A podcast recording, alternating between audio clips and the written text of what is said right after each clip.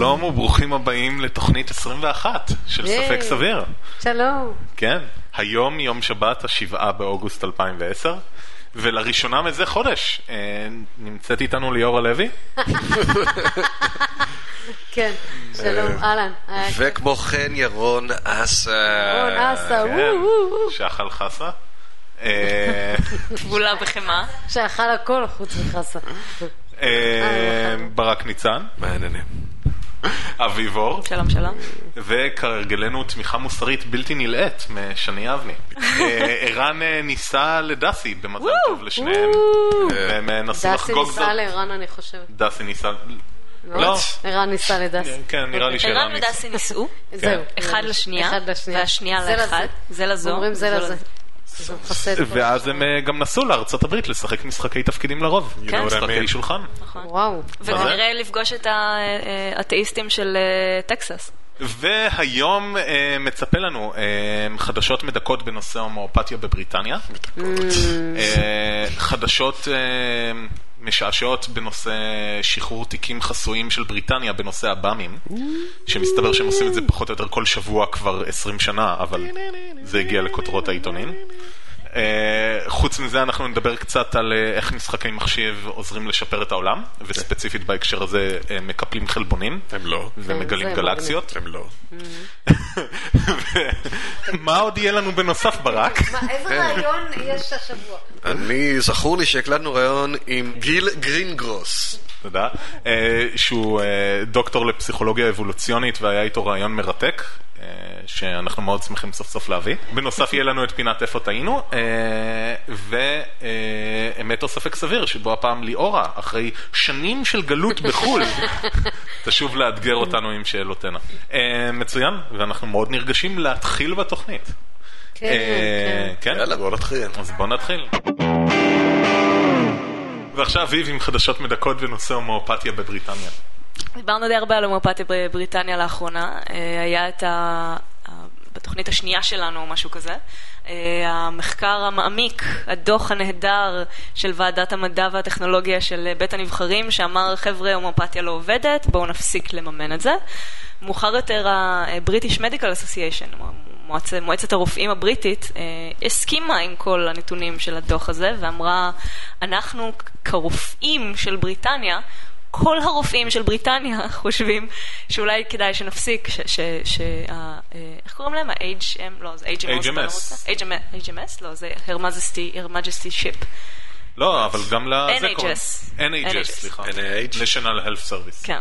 אה, כל הרופאים בבריטניה אמרו אולי כדאי שה-National Health Service, אה, שירות הבריאות הלאומי, יפסיק לממן הומואפתיה, כי זה לא באמת רפואה, זה לא באמת עובד. זה בסך הכל פלסיבו, ואולי לא כדאי שהממשלה תממן את זה על חשבון דברים אחרים. אה, ואחרי כל המסקנות האלה, ואנחנו, אני חושבת שגם אנחנו כאן היינו מאוד מאוד אופטימיים, אה, שזה באמת נשמע כאילו, כאילו אנגליה הולכת לעשות עם זה משהו, אה, והיא אכן עשתה עם זה משהו, היא אמרה תודה רבה, רופאים נחמדים, מר תום דולפין שכולנו אוהבים. אבל לא, לדעתנו, אה, זכותו של הציבור לבחור, והמוטו שאנחנו מכירים גם מארצות הברית, צריך להציג את הצד השני, אה, ולכן הם ימשיכו לממן הומואפתיה, אה, עדיין בהיקף של משהו כמו 4 מיליון פאונד לשנה, שזה לא המון, אבל זה עדיין כסף שיכול ללכת לדברים אחרים, שבאמת עובדים, ובאמת אנשים צריכים את התרופות ואת הטיפולים האלה ולא יכולים לקבל אותם. אז עכשיו, מטופלים יקרים בבריטניה, אם תמצאו מתורגמן שיתרגם לכם את הפודקאסט הזה, את הפודקאסט הזה, אז תדעו שאתם יכולים לבחור אם לקחת מים עם דברים שכתובים על העטיפה, או לקבל טיפול אמיתי, רפואי, שבאמת עובד, אז הבחירה בידיכם. אני נכנסתי לאתר של ה-NHS, ובאמת הסלוגן שלהם, מסתבר, זה your cho- choice, your health. Nice. כאילו כל הסלוגן שלהם זה שאנחנו נותנים לך את הבחירה, ובתכלס מטילים גם את האחריות עליך במקום על אנשים שמבינים משהו במקצוע של רפואה. אה, אבל מעבר לזה, בדף של הומואפתיה שם נכנסתי, אה, יש הסבר קצת על מה זה וכולי, אבל אין שום הפניה למחקר קר- אה, שמבקר את הנושא. אה, יש הפניות לכל המחקרים הקליניים שנעשים בנושא ואפשר להירשם וכולי, ואין שום אזכור של מחקרים, של כאילו דברים שמתנגדים לשיטה. אז אין אצלנו... שום אזכור שאומר שהרופאים, שבעצם אה, אחרי מאות אה, הוועדה קמה ואמרה, תקשיבו, בולשיט זה לא עובד? כלום, בדף של ה-NHS זה עדיין אה, הומואפתיה בשבילך, הסבר קצר על השיטה, וזהו. כן, אני ראיתי שהמינימום שה-BMA רוצים לעשות עכשיו, אחרי שההחלטה בכל מקרה עברה, אה, של להמשיך לממן את זה, זה באמת לראות כמה שהם יכולים לנסות לפחות להבהיר לציבור מה זה אומר, ולהעביר את המידע, שכשהציבור באמת עושה את הבחירה שלו, שהיא תהיה בחירה מושכלת, כי אחרת אין לה שום משמעות. זה שטויות. מה, למה להפסיק את הבחירה שמה? שבזמן הניתוח אתה תוכל לבחור אם הוא יחתוך שמה או יחתוך שמה. אתה יודע, איזה... ממתי אנחנו נותנים ל- ל- לציבור הרחב להחליט מה הוא רפואי, מה עובד ומה לא? אז מסתבר שכבר הרבה זמן, ויש לא- ויכוח גדול בנושא. רגע, לא- רגע, לא אני נותנים- רוצה להגיד משהו. אני בעד לתת לאנשים אה, כן לבחור מתוך מקום של תראה, אבל להציג את העובדות במלוא מובן המילה. זאת אומרת, להגיד, תשמעו, כל המחקרים שנעשו בהומופתיה מוכיחים כרגע, מעל לכל ספק, שזה אפקט הפלסיבו, או אין בזה ממש. ומפה אתה רוצה בכל זאת לבחור בזה, אני לא אגיד לך לא. אבל- אבל לא, אני כן בעד אה, שיהיה איזשהו משהו שאומר ל, ל, לפציינט, זה קיים, לא שהוא ילך ומישהו אחר יספר לו שזה קיים, ואז יכול להאכיל אותו בשטויות מה זה. אלא מתוך אה, שהממשלה תגיד באותו אתר, זה קיים, ותדעו לכם שזה בולשיט. אה, אני בעד שהממשלה תעשה בהצהרות שמגובות בעובדות עד כמה שיש. אה, אבל זה לא, לא רלוונטי, כי אין פה בעצם, אה, אין פה באמת אה, עניין של בחירה, זה הכל מניפולציה של מילים. מה זה בחירה? אתה יכול להכניס אלף ואחד דברים לתוך, ה, לתוך הסל הזה, והבן אדם גם יכול לא להשתמש במוסדות ציבוריים בשביל הרפואה שלו. יש אה, ויכוח מאוד גדול בשנים האחרונות, שהוא אומר, באמת, כל התרבות המערבית, ובעיקר מה שהתחיל בארצות הברית, אומרת כמה שיותר בחירה יותר טוב, אנשים יהיו יותר מאושרים. וזה גם חלחל לתחומים שבהם... אתה לא יכול לקבל, אין כזה דבר באמת בחירה מושכלת ברוב הדברים ברפואה. אתה כבן אדם שלא עבר שבע שנים אה, ת, אה, לימודי רפואה בסיסיים, ואז עוד התמחות, ואז עוד זה, אתה לא יכול לקבל החלטה מושכלת לגבי ניתוח בכליות מסוג א', לעומת ניתוח בכליות מסוג ב', ועדיין מטילים את האחריות הזאת לפת, לפתחה. אתה הולך לרופא בארצות הברית, ובבריטניה ובמקומות אחרים, והם אומרים, הנה אופציה א', הנה אופציה ב', הנה הפלוסים, הנה המינוסים.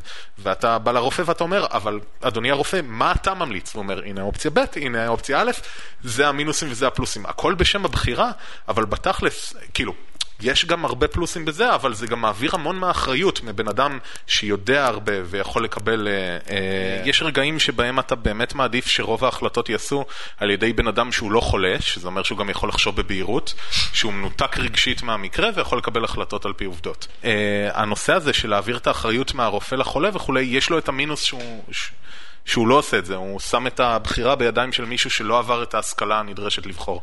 אני מסכים אבל שבחירה זה שונה מחינוך. כלומר, אני מסכים איתך שהממשלה צריכה לידע את הציבור, ו... אבל לצאת גם בהצהרה ואומרת, אבל זה בולשיט, ואנחנו ממליצים לעשות א', כמו שרופא לדעתי צריך לשטוח את האופציות, ואז להגיד, ובמקרה שלך, לדעתי, מה שהכי ישתלם לאיכות החיים שלך, זה א'. ויותר ויותר אה, חברות מערביות נמנעות מלעשות את זה, ושמות את האחריות לפתחו של מישהו ש... תראה, אבל ההבדל המשמעותי אה, הוא אה, בין, כשמדברים על בחירה פה, זה שפה מדובר במשהו שהוא ממומן, ממומן ממשלתית. כן, לאנשים יש את הבחירה, אם הם רוצים, יכולים ללכת להומואפתיה אם הם רוצים, אבל כשאנחנו בוחרים מה, מה המדינה מממנת, אז אם אתם החלטתם שזאת השיטת ממשל שלכם, אתם הולכים כל פעם עושים סקר, רואים מה רוב האנשים רוצים, אז בהצלחה שיהיה לכם. כן, זה גם לא, זה, זה לא שאין דברים אחרים לבזבז עליהם את הכסף הזה, זה 4 נכון. מיליון פאונד, שזה אומנם לא כמות כל כך גדולה מכל הסכום שה-NHS מבזבז, מבזבז, משקיע בשנה, אבל יש דברים אחרים שיכולים ליהנות גם מ-4 מיליון פאונד. למעשה יש דברים שבוטלו ל- לאחרונה, אני לא זוכר בדיוק מה, אבל... אה, לדוגמה, אני יודע שפה בארץ מאוד מתלוננים שדוגמה תור ל-CT יכול לקחת שבוע, אם זה לא מקרה דחוף, אם הרופא מפנה אותך. אה, בפועל בבריטניה אני יודע מסיפור אישי של מישהו שאני מכיר, שתור ל-CT במקרים קשים אך לא דחופים יכול גם לחכות ארבעה חודשים, חצי שנה. אה, המכונות שלהם, ה-MRI וה-CT לא עובדות מעבר לשעות העבודה, אצלנו הן עובדות 24/7. 7. כל מיני דברים מוזרים כאלה שעם עוד כסף, הארבעה מיליון האלה זה אומר, לא יודע מה, עוד עשר בדיקות CT בשנה, זה מישהו שנפצעה לו הברך שזה יקל על איכות החיים שלו? אז למה?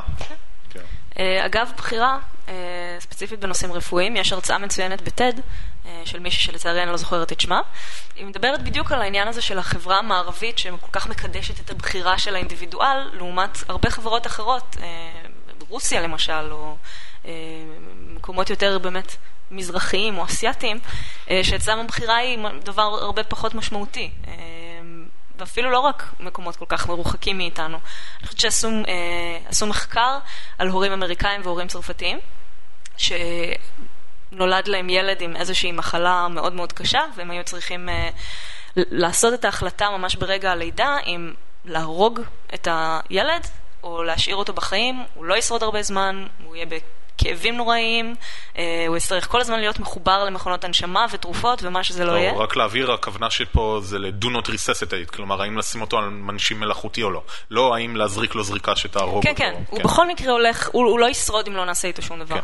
ואני חושבת בצרפת או באנגליה, אני לא זוכרת איפה זה היה, אה, אז זו החלטה שהרופאים עושים, הם אפילו לא... זאת אומרת, הם מציגים להורים את הבעיה, אבל הם אומרים, אנחנו לצערנו הולכים אה, להרוג לא את הילד. לא לחבר אותו למכונת לא לחבר אותו למכונת הנשמה, ובארצות הברית נותנים להורים לבחור. ומדברים עם ההורים האלה כמה חודשים או כמה שנים אחרי האירוע, וההורים האמריקאים שהיו צריכים לעשות את ההחלטה הנוראית הזאת, בין אם הם בחרו ככה ובין אם הם בחרו ככה, מרגישים הרבה הרבה יותר רע לגבי האירוע הזה, שהוא אירוע נוראי לכל הדעות, אבל הם מרגישים הרבה יותר רע לעומת ההורים הצרפתים, שזו לא הייתה הבחירה שלהם, זה לא היה בידיים שלהם, האם הם, הם עושים את החלטה נוראה אחת או החלטה נוראה אחרת. אז הבחירה הזאת היא לא תמיד דבר כל כך טוב וקדוש כמו שאנחנו נהנים כן. לחשוב עליו. אה, תמיד כל בחירה שאתה עושה, בסופו של דבר יש לך בראש, אבל מה היה קורה אם הייתי עושה אחרת? אה, אנחנו חושבים על זה יותר בהקשר של חרטת קניות, אבל אה, גם בטד יש הרצאה מצוינת של ברי שוורץ אה, ושל דן גילברט, כל ההרצאות שמראות איך אפקטיבית זה מוריד את איכות החיים שלנו. אז שוב, אני מסכים עם ליאורה שידוע זה חשוב, אבל לדעתי לצד הידוע הזה גם צריכה לבוא אמירה אנחנו כגוף שמונע על ידי אה, אפקטיביות ואפיקסי וכולי, אומרים זה לא עובד. אני רוצה רק לחדד בנושא של בחירה, אה, אני בעד לא להפיל באמת על החולה את הבחירה, אבל אני גם לא בעד להשאיר נטו בידיים של רופא אחד. יש מקרים שלדעתי, וגם מרפואה עצמה וגם כשאתה לומד אה, קצת כשלמדתי ביולוגיה, שאין אין, אין החלטה אחת נכונה, מה שנקרא. זה לא, תיקח את התרופה הזאת והתרופה הזאת מתאימה, אלא זה מין ניסוי וטעייה. וכשמגיעים למצב של ניסוי וטעייה, לדעתי זה צריך להיות ברמה של א', לידע את החולה. אה, או את ההורים, לא משנה, ולהגיד להם, תקשיבו, פה המצב מטושטש, ושההחלטה לא תהיה של רופא אחד. אלא שההחלטה תהיה באמת של קבוצת מומחים, קבוצת רופאים, ומפה לצאת לטוב ביותר שאפשר לתת, אבל... אה, שלך כן, תהיה גם את הזכות לקום ולהגיד, אני רוצה ללכת לשם ולשמוע נכון, מה הם אומרים. נכון, כן. זה, זה בהחלט, אבל אה, כן. אוקיי. אוקיי.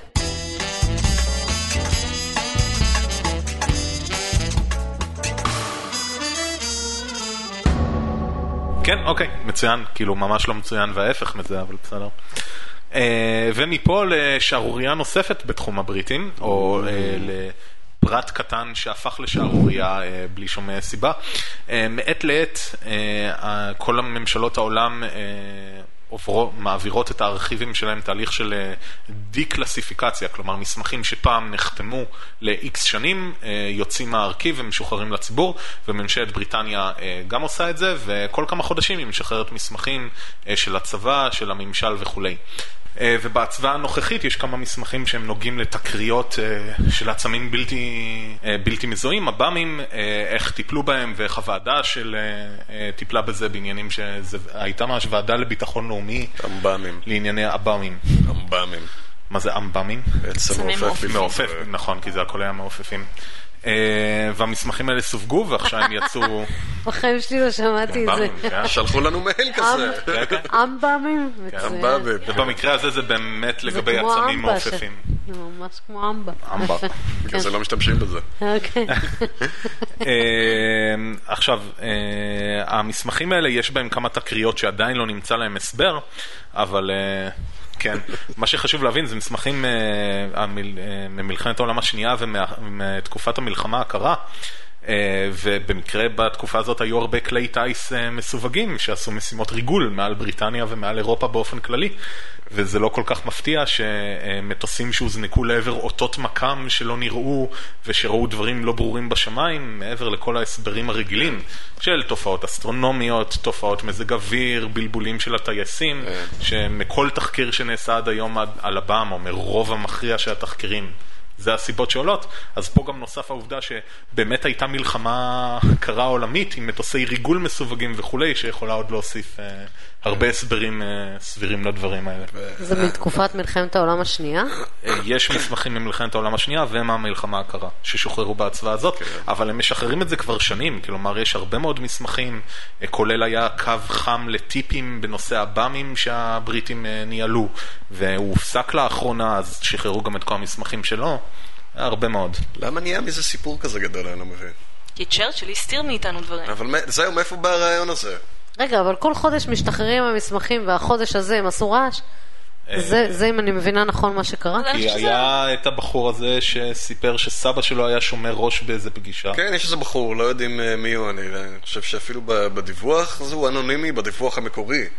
יכול להיות שאפילו, לא יודעים אפילו מי זה, אני לא בטוח לגבי זה. כן, ראיתי איזו הודעה שהם מחפשים אם מישהו מכיר מי זה, שיזדהה בשמו. כן, אז הוא אמר שסבא שלו היה שומר ראש של צ'רצ'יל, והוא היה איתו בפגישה עם, אה, זה היה לינדון ג'אנסון או אייזנהאואר? נראה לי סביר שאייזנהאואר. אייזנהאואר כנראה. פגישה עם ראש מדינה. וששם הוא אמר את המשפט הממש פרווה הזה, שגם הוא, כשלעצמו גם הוא אמיתי לא אומר הרבה. המשפט אה, בתמצית אומר שאסור לחשוף אה, תקריות שלא נמצא להם הסבר לציבור של אמב"מים. כי אז הציבור עלול להיכנס לפאניקה ולאבד את אמונותיו הדתיות או איזה משהו מגוחך שכזה. אמ, אז זהו, אה, הדיווח האנונימי הזה הוא לכאורה אחת הסיבות אה, שפרצה עכשיו מהומה באינטרנט, אבל אהבתי במיוחד את ה... היגיון מסביב לחלק מהמהומות האלה. מצד אחד הם אומרים, אה, זה שהממשלה שחררה את זה, זה עדות לזה שבאמת קיים אה, ידוע על מפגשים עם חייזרים. כן. לעומת זאת הם אומרים, זה שאין באמת שום דבר אמיתי בדיווחים האלה, זה עדות לזה שהממשלה מסתירה את הדיווחים האמיתיים. במעין אה, התנגשות נהדרת שמבטלת את שני, שתי המסקנות לא, האלה. לא, אתה לא מבין, ירון. מה שקורה זה ככה. הממשלה לא רוצה לראות, הרי יש כל ההאשמות האלה שמסתירים כל הזמן. ויש דברים שנפלטים החוצה, אז אומרים אנחנו לא, זה בוא נקדים מכה ונשחרר את הדברים שיש לנו, אבל אנחנו נוציא ממנו את הדברים אה, החשודים. ואז הם יחשבו כאילו שאנחנו... אה, כן. אה? ב-Stargate היה להם פרק כזה שהם אמרו ש... זה שהם נותנים לסדרת מדע בדיוני להתרחש בחוץ, זה בעצם כפוטנציאל cover-up במידה וידלוף מידע בנוגע לתוכנית האמיתית של מוסר. נכון. קטע משעשע שכזה. אתה רואה? זה חכם. כל ממשלה הייתה עושה דברים כאלה. בכל אופן, מה שחשוב להבין זה שלמרות שהתקשורת מדווחת על זה עכשיו בגלל הפיקנטריה הזאת, משוחררים מאות אלפי מסמכים כל הזמן על ידי כל הממשלות, בכללם בריטניה, והממשלות חקרו את הנושאים האלה, אז זה לא מפתיע שיש מסמכים בנושא הזה, אבל שוב, גם במסמכים המסווגים של הממשלה אין שום דבר ממשי, יש אותות מכ"ם ותצפיות שלא אומתו, שלא נמצא להם הסבר, וזהו. זה שלא נמצא להם הסבר, אבל בעיני רבים זה הוכחה גם כן. כן. כן, אבל זה רבים שלא צריכים הוכחה בכל מקרה, מאמינים במה שמאמינים.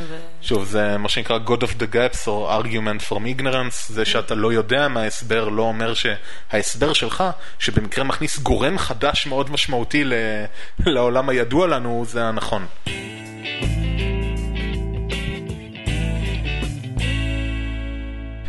ומדיווחים אה, ביזאריים על בריטים לטידביט קטן של מידע שהוא מאוד נחמד.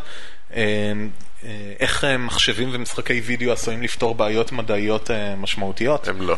למה אתה... Why are you bringing raining on the parade? לא יודעת מה יש ברק היום. זה התפקיד שלי. תתגעגע לתפקיד לא, הזה, לא-, לא יכולתי כן, להתיישב כמו שצריך שלא היית. כן, אתה לא היית ככה כמה פודקאסטים, אולי בגלל זה הם היו נחמדים. כן, האמת הוא היה ממש אחראי ובסדר. כן, בגלל זה הוא היה... כן, זה הרחק אותי. כן. אז בכל אופן, למי שלא יודע, יש הרבה פרויקטים בזמן האחרון או בשנים האחרונות שהן אומרות, יש המון מחשבים ברחבי העולם. אה, יש המון כוח מחשוב שהוא לא מנוצל, כי רוב הזמן אנחנו לא מדגדגים אפילו את היכולות של המחשבים שלנו. בואו ננצל אותם לדברים שאנחנו צריכים. אז יש כל מיני פרויקטים כמו אה, קיפול חלבונים, שאנשים מקפלים חלבונים אה, על המחשבים בבית ושולחים את הנתונים בחזרה אחורה. לפרויקט קוראים רוזטה. יש פרויקטים דומים לסקירת מפות של נאסא באמצעות כוח עיבוד מחשוב. אה, וכולי. יש אפילו לתצפיות אסטרונומיות, מה שראינו אז כשהיינו ב... זהו, ובדיוק אה, מה שקורה זה שבשנים האחרונות, או בשנה, שנתיים האחרונות, לוקחים את זה צעד קדימה והם אומרים, רגע, כל זה קורה בלי שאנשים אה, נותנים אינפוט, פשוט המחשבים שהם עובדים, אבל בעצם, כמו שוויקיפדיה מוכיחה ויוטיוב מוכיח והרבה דברים אחרים מוכיחים, לאנשים יש המון זמן והם רק מחפשים מיזמים להשתתף בהם. אז בוא נראה אם אנחנו יכולים להפוך אותם לשחקנים יותר אקטיביים. יש לך זמן לנשום, אתה תגיד לי. אנחנו לא עובדה, אנשים. אנחנו עושים את הפודקאסט אבל. מי זה האנשים החולרות האלה? כן. fucking assholes, למה יש להם זמן כל הזמן? היה ראיון מצוין עם אה, דייב קלירי, שזה מישהו שם, אה, שירקי. אה, מישהו שם ממש אוהב גורו של אה, פרויקטים כאלה, ויקיפדיה ורשתות כן. חברתיות, והוא אמר שראיינו אותו לטלוויזיה והוא דיבר על אה, הערך פלוטו בוויקיפדיה, והמראיינת אמרה לו, מאיפה לאנשים יש כל כך הרבה זמן? והוא התפרץ עליה, הוא אמר, בתעשיית הטלוויזיה לאף אחד אין זכות לשאול את השאלה הזאת. כן, לא משנה. כי אנשים מבזבזים המון זמן מול הטלוויזיה, אז מאיפה יש להם את הזמן? קח את הזמן שאנשים רואים פרסומות ביום ושיכתבו משהו בוויקיפדיה. אוקיי. או שיקפלו חלבון. אה, בדיוק. אז אה, יש הרבה פרויקטים שהם נותנים לאנשים לעשות משימות שמחשבים לא כל כך טובים בהם. אחד הדברים ששמענו עליהם בטד, אני וליאורה, אה, פרויקט בשם גלקסי זו. שבו אה, יש מפות של השמיים, שמחשבים יודעים טוב מאוד לזהות בהם אה, גלקסיות או כוכבים, אבל קשה להם מאוד לזהות אה, איזה סוג גלקסיה מדובר, ספירלית או פליטית וכולי, וזה אנשים עושים. ועד היום אנשים עברו על יותר מ-60 מיליון תמונות של השמיים וקטלגו דברים, ומצאו גם שלוש תופעות אסטרונומיות חדשות שלא היו מתו- מתועדות אה, מעולם ודברים כאלה. אה, אז זה מיזם מסוג אחד. ומיזם מסוג שני, שאליו רוזטה התפתחה, פרויקט לקיפול חלבונים, קוראים לו Foldit. הרעיון הוא כזה, מחשבים יודעים לקפל, לחשב קיפולים של חלבונים בצורה מאוד טובה כמעט עד הסוף, אבל את ה finishing touches האלה מתבזבז המון כוח מחשוב על משהו שבן אדם זה קופץ לו לעיניים מיידית, הוא מיידית יודע, טוב, זה צריך להיות ככה. אה, והבחור שהקים את אה, רוזטה, אה, אז הוא אמר, מצוין, אז בוא נהפוך את זה למשחק, הוא בנה משחק בשם Foldit, שבו לאנשים הם יכולים לשחק עם הזוויות השונות וכולי, ולהגיש את הפתרונות שלהם לבעיות, ולקבל נקודות, כי כולנו אוהבים לקבל נקודות. אה, וכדי לבחון את זה הוא לקח אה, קיפולים שכבר המדע פתר, ורצה לבדוק האם הקיפולים שאנשים נתנו יותר טובים מהפתרון מכונה אה, שרוזטה מצא, והסתבר שבחמישה מתוך עשרה לא רק שהקיפול היה יותר טוב, הוא גם היה בסדרי גודל יותר מדויק, כי הוא ממש באחוזים מרשימים. ואנשים ממש מתלהבים ומשתתפים בזה, כי זה משחק קטן וזה צבעוני, ואם כבר לשחק סוליטר או... אה, או ביג'ולד בבית, אז בוא כבר נתרום גם למדע. Uh, בכל אופן, זה מאוד נחמד לראות אנשים תורמים גם uh, מזמנם, מרצם ושכלם לקיפולי חלבונים, שבסופו של דבר uh, עוזר למין האנושי. וזה מאוד מעניין לראות איך המנגנונים האלה, החברתיים ואחרים, שנותנים לאנשים הזדמנות קלה ופשוטה לתרום לתועלת המין האנושי, אולי זה יכול להביא לשינוי משמעותי בהמשך. כן, ברק, ויילד בורס. ספר לנו על גרמנים שצדים דברים. זה כל כך לא רגיש בישראל. נכון, וזה גם כל כך לא, כן. זה לא צפוי גם. וואו, לא צבגי. תראו, זה קצת מורכב, אני לא בטוח מאיפה להתחיל את זה. אני, כמו שאמרתי לכם, ממשלת גרמניה מוציאה עכשיו הרבה יותר כסף על ציידים. למה? למה בעצם? מסתבר שבגרמניה הם נורא אוהבים בשר של ויילד בורס, של חזירי בר, שזה, עם, להבדיל מהחזיר הוורות והקטן, זה חזיר שעיר ענקי, ועם אה, ניבים ו... ביג שרפ פוינטי טיף. כן. אה, כן, הם יכולים להרוג, להרוג בן אדם, אם הם רוצים. בגרמניה? בגרמניה, כן. ולאחרונה יש שם עלייה מטורפת במספר החזירי בר הרדיואקטיביים.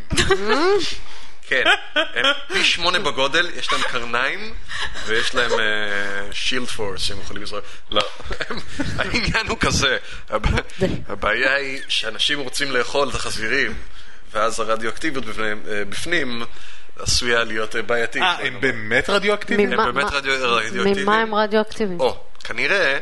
מאז צ'רנוביל, אה, אוקיי. זוכרים את האירוע הנחמד הזה שהיה? כן. וזה לא היה בגרמניה. בגן? כן.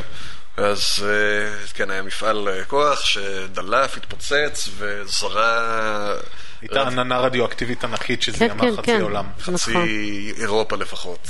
אה, והחזירים האלה, חזירי בר האלה, מסתבר, כנראה אוהבים פטריות וטראפלס, שהם טובים מאוד בספיגת הרדיואקטיביות מהאדמה.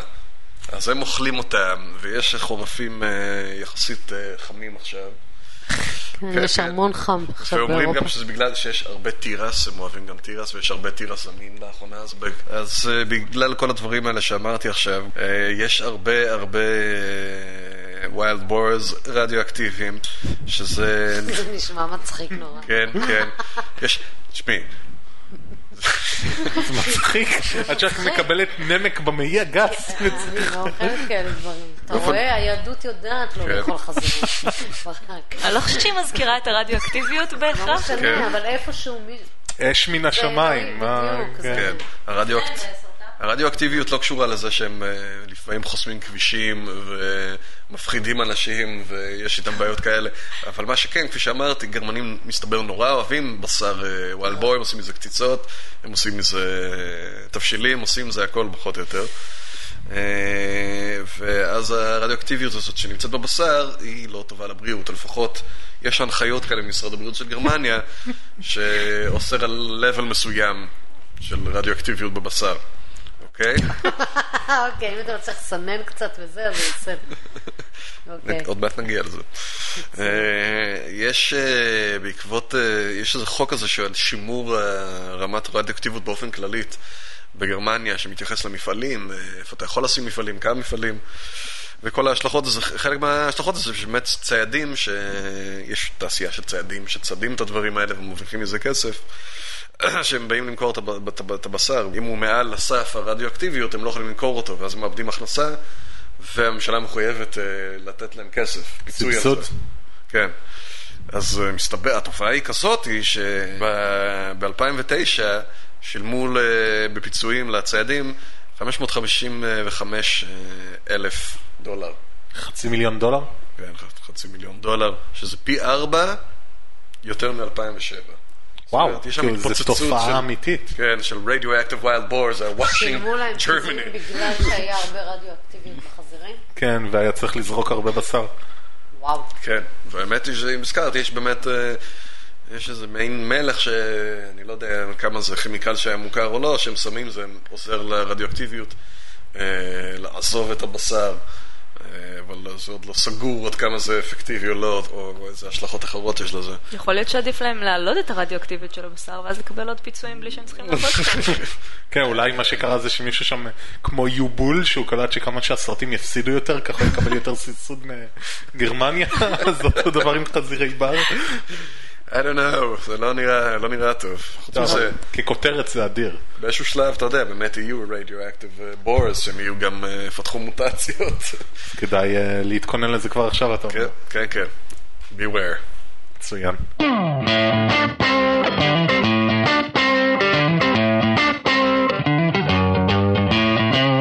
ועכשיו מצטרף אלינו דוקטור גיל גרינגוז, אה, הוא דוקטור לאנתרופולוגיה אבולוציונית באוניברסיטת ניו מקסיקו, אה, והוא עשה התמחות מיוחדת בפסיכולוגיה אבולוציונית ואקולוגיה אבולוציונית, כן, וספציפית בתחום ההומור והצחוק, זה נכון? כן, זה נכון. כן. זה נשמע מגניב. כן. אה, בהמשך להרבה מפעילותיו הרבות ברשת, אחת מהפעילויות הכי גדולות זה בלוג בשם הומו ספיאנס, שבו הוא נותן מאמרים ומחקרים אה, וגישות לפסיכולוגיה אבולוציונית, אה, מה השורשים שלה, מה תפקיד המדע הזה בין כל שאר המדעים, אה, ובאופן כללי, תקן אותי אם אני טועה, אפילו באיזשהו מקום לטהר קצת את השם של פסיכולוגיה אבולוציונית.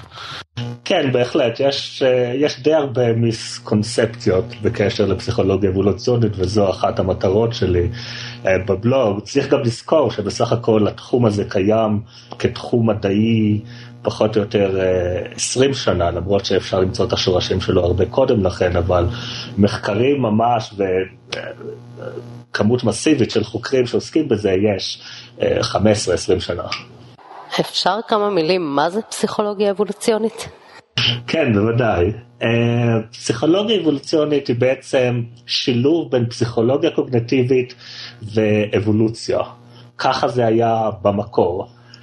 בבסיס פסיכולוגיה אבולוציונית עוסקת בצורה שבה רגשות, התנהגויות, העדפות של בני אדם באות לידי ביטוי על בסיס עקרונות אבולוציוניים. אוקיי, okay, הרעיון הבסיסי הוא שאנחנו אומנם בני אדם ויש לנו מאפיינים מאוד אה, אה, ייחודיים אה, ביחס לחיות אחרות, אבל יש לנו גם מאפיינים שקרובים לחיות אחרות מעצם זה שכולנו עברנו ברירה טבעית וגם ברירה מינית. ואם אנחנו מקבלים את זה שנניח איברים כמו ידיים, רגליים, לב, כל דבר אחר חיצוני או פנימי שיש לנו עבר אבולוציה, אז uh, למה לא בעצם לקבל שהמוח שלנו, שהוא המוח אינו uh, עוצב על ידי uh, האבולוציה גם כן. זאת אומרת שרגשות, כמו שהתפתחנו, למשל התפתח לנו ידיים בצורה מסוימת, ארוכות, קצרות, לפי האזורים שבהם גדלנו, התפתחנו, אז אתה אומר שגם רגשית התפתחנו אבולוציונית.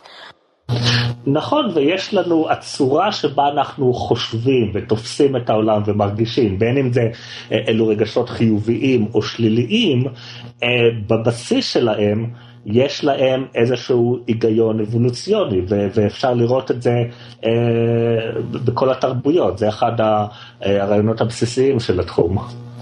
אני יכולה למשל אם להתייחס לרגש אמהי, שזה משהו שהתפתח אבולוציונית כדי לקדם את המין שלנו וכולי, זאת הכוונה?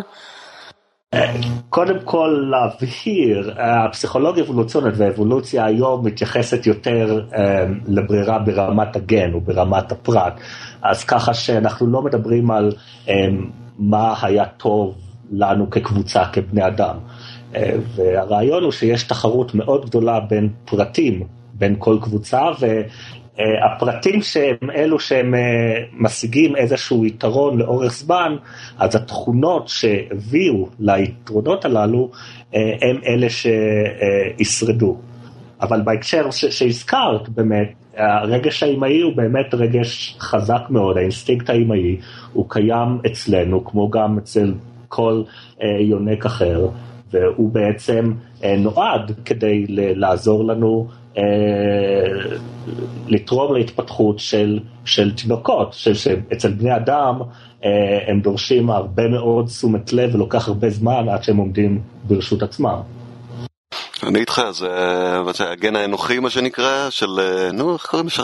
של דוקינס, להבדיל מידידו שהתווכח איתו כל השנים. סטיבן ג'יי גולד, כן. כן, כן, בדיוק. יש הרי, רואים אה, באבולוציה הביולוגית, אנחנו רואים אה, דברים מסוימים שאנחנו אומרים שהם אה, נספחים או התפתחו כתוצר לוואי, איך אנחנו יודעים להבדיל בין דברים כאלה בתחום הפסיכולוגי, האבולוציה הפסיכולוגית? זה באמת, זה שאלת השאלות, ואנחנו לא תמיד יכולים לעשות את ההבחנה הזאת. אנחנו באמת, אבולוציה באופן עקרוני, אה, אנחנו מסתכלים על, על עיצובים או על תכונות שהתפתחו למטרה מסוימת, אבל הרבה פעמים תכונות שהתפתחו למטרה אחת, לאחר מכן, לאחר אלפי שנים של אבולוציה, אה, פועלים בצורה אחרת, במיוחד בחברה המודרנית, שהגירויים שבה, שאנחנו חשופים אליהם כיום שונים די קיצונית מהגירויים ש... אה, נחשפנו אליהם או שהיוו אה, חלק חשוב בפיתוח של התכונה הזאת, ואני מדבר בעיקר על החיים אה, כציידים לקטים לאורך עשרות אלפי שנים. ועם הזמן, וככל שעושים יותר ויותר מחקרים, ובסופו של דבר אין מחקר אחד שבעקבותיו אתה אומר, או oh, הנה גילינו תכונה אחת. העדויות מגיעות מהרבה מחקרים, מתחומים שונים כמו אנתרופולוגיה, פסיכולוגיה, ביולוגיה אבולוציונית, אפילו כלכלה וסוציולוגיה, ואנחנו מכנסים את כל העדויות האלה ואז אומרים, אוקיי, יש לנו כך וכך עדויות לגבי תכונה מסוימת, אז סביר להדיח שזאת פותחה בצורה אבולוציונית. אין, אין כאן עניין של הוכחה אבסולוטית, כי, זה, כי ככה זה עובד במדעי החברה, אין לך הוכחות של 100%. יש לך אישושים בכיוון מסוים לעומת הפרחות. ודברים משתנים, הם דינמיים כל הזמן. אה, רציתי באמת אה, זה, שנדבר על זה מחקר אחד, שתראה לנו איך קווי החקירה השונים אה, מתגבשים לידי היפותזיה כזאת או אחרת. כן, חייב לציין שלפחות מקריאה של הדיוט בבלוג שלך, אמ, המחקרים שאתה מצטט ומפנה אליהם, בתוך כל העולם האקדמאי החברתי, הם נראים הרבה יותר מוצקים, הם הרבה יותר כמותיים, הם הרבה פחות נוטים להסברים מילוליים אה, ויותר למסקנות שהן באמת אה, לוגיות, נגיד את זה ככה, אה, שזה משהו שדי הרשים אותי. זה, זה נקודה חשובה מאוד מה שאתה אומר, כי בסופו של דבר הפסיכולוגיה האבולוציונית היא לא תת תחום בפסיכולוגיה או במדעי החברה בכלל, היא איזשהו תחום שאמור להציל מהידע שלו לכל, תחומים, לכל תחום אחר ויש לו השלכות לכל, אה, לתחומים אחרים כמו פסיכולוגיה קלינית, פסיכולוגיה התפתחותית, פסיכולוגיה חברתית. הרבה מאוד מהמחקרים שנעשו קודם בפסיכולוגיה סבלו מהדברים ש, שציינת, הם, הרבה, הרבה מהם הם לא כמותיים ואני אדם מאוד כמותי ו, ורציתם דוגמאות, אז למשל אחד הנושאים שהוא אולי הכי נחקר אה, בפסיכולוגיה אבולוציונית זה נושא של בחירות בני זוג. למה אנחנו בוחרים, למה אנחנו מעדיפים אה, בחור או בחורה מסוימים אה, נמשכים לאדם מסוים ולא לאדם אחר. וצריך לזכור שבחברה של צעדים לקטים יש תמותת תינוקות מאוד מאוד גבוהה, אה, ולכן הנושא של, של השקעה הורית הוא מאוד קריטי. כלומר, אנחנו בוחרים בני זוג, בעיקר נשים שבוחרות בן זוג, במידה רבה על סמך כמות ההשקעה ההורית שהגבר אה, ייתן. עכשיו בהקשר הזה, נקודה מאוד מאוד חשובה באבולוציה בכלל שקשורה גם לפסיכולוגיה אבולוציונית וזה הנושא של trade off, שאני לא יודע אם יש לה איזשהו תרגום בעברית אבל... קח ותן. קח ותן, משהו כזה, כל דבר שאנחנו בוחרים, כל בחירה שאנחנו עושים, יש לה גם מחיר מסוים. והשאלה היא באמת, אה, הבחירה היא לא אבסולוטית, כלומר אין בחירה אחת שטובה לכולם, הבחירה היא גם תוצר לוואי של למשל של האיכות האישית אה, שלך כבת זוג. וכך למשל, כמו שבדיוק אמרת, הבחורים אתלטים, אה, גברים אתלטים חסונים וחזקים, יהיו מאוד מבוקשים כבני זוג. ואז מכיוון שהם מאוד מבוקשים, גם להם יש יותר בחירה מאשר לגברים הנרפים, חלשים, אה, הרכרוכיים, שלא הרבה נשים מעוניינות בהם. ואז ברגע שיש להם... כן, שבמקרה חלק גדול ממי שמקליט את הפודקאסט הזה הם כאלה. לא, כולנו כאלה. אה, זהו, ראיתי בהקשר הזה ממש שדיברת על מחקר שבחן אה, אתלטיות בקבוצות ספורט ומשיכה מינית אל שוערים ורכזים. תוכל להרחיב לשנייה על זה? כן, זה מחקר שבדיוק עכשיו אה, פרסמתי אותו, שעוסק, קודם כל נקודת ההנחה שלו היא שבאמת נשים נמשכות יותר לגברים אתלטים, ואחת הסיבות לכך אגב, כמו כל העדפה האבולוציונית היא שהתכונה של אתלטיות היא במידה רבה תורשתית. כלומר, אם אתה בוחר בן זוג שהוא אתלטי, יש סיכוי גבוה שגם הילדים שלכם יהיו אתלטים במידה רבה. ואז הגיעו חוקרים על סמך ההיגיון הזה, אה, שבאמת אה, תהיה משיכה של נשים לגברים אתלטים, ורצו לבדוק את זה בקבוצות ספורט, ואז הם חשבו לעצמם אלה תפ... אילו תפקידים אה, בכדורגל נחשבים ליותר אתלטים.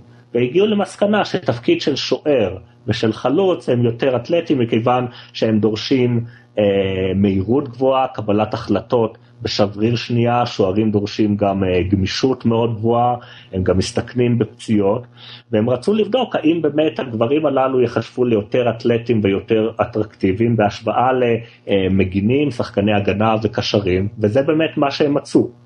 אז זו דוגמה אחת באמת ל... צורת חשיבה אבולוציונית שמובילה אותנו להשערות ספציפיות שניתנות לבחינה אה, ואז או שהם יאוששו או שלא. אחת הטענות נגד פסיכולוגיה אבולוציונית שאפשר למצוא אה, סיבה לכל דבר ולדבר והיפוכו. אבל כשמסתכלים על המחקרים זה, זה לא מה שקורה, אתה רואה שדווקא ההיגיון האבולוציוני הוא הרבה יותר מחמיר ונותן פתח להשערות מאוד ספציפיות שאו שמוצאים להם אישוש או שלא במקרים רבים.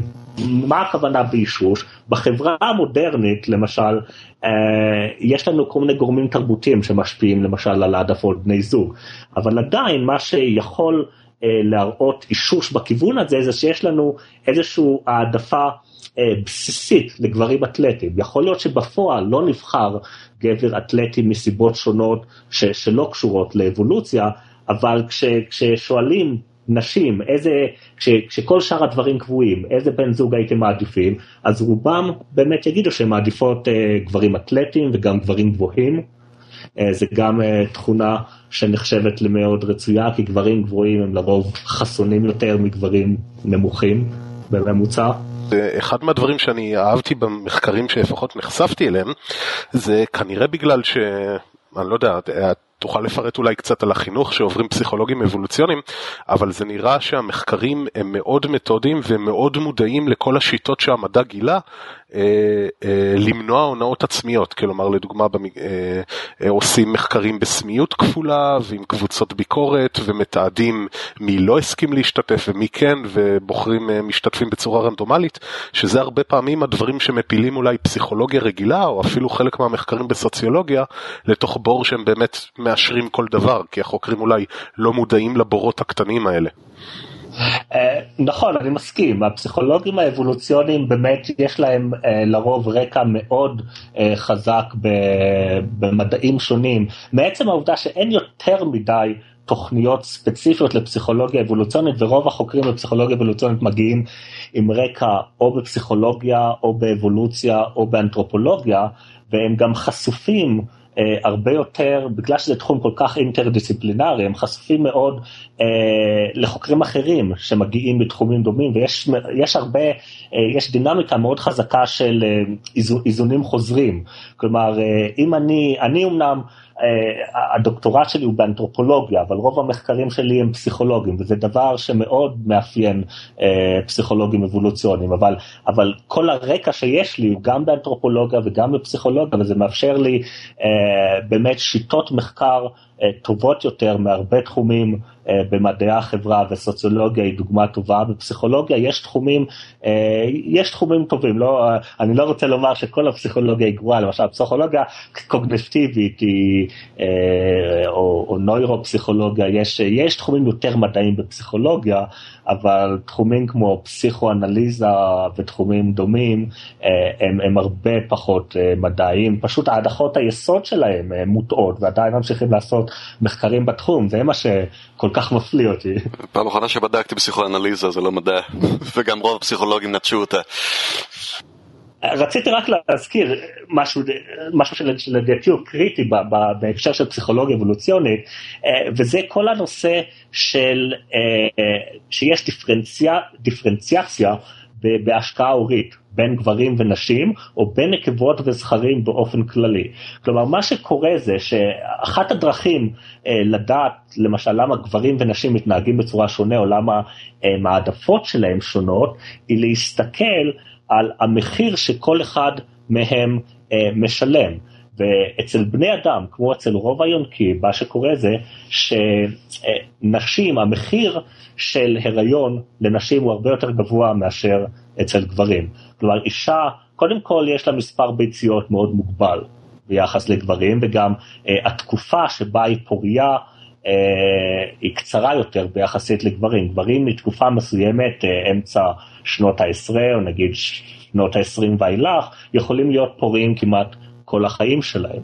אבל מעבר לזה, אה, אישה שנכנסת להיריון, היא תשעה חודשים בהיריון, היא כבר לא יכולה להתרבות עם אף אחד אחר, וגם אחרי שילד או ילדה נולדים, היא עדיין צריכה להשקיע בהם אה, מספר מאוד גדול, אה, הרבה פעמים זה לוקח שנה או שנתיים, שבהם אה, קשה מאוד להתרבות. גם במקרה הכי קיצוני, אנשים יולידו, נשים יולידו ילד כל שנה בערך. נכון. פשוט אי אפשר יותר מזה.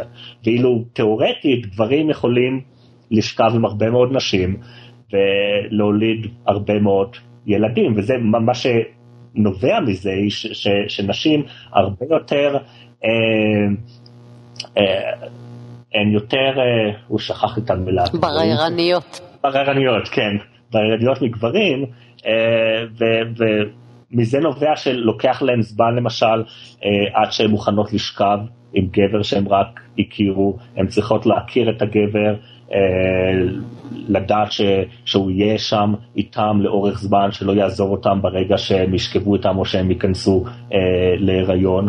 אה, וזה מוביל להרבה מאוד אסטרטגיות שהן די שונות לגברים ונשים.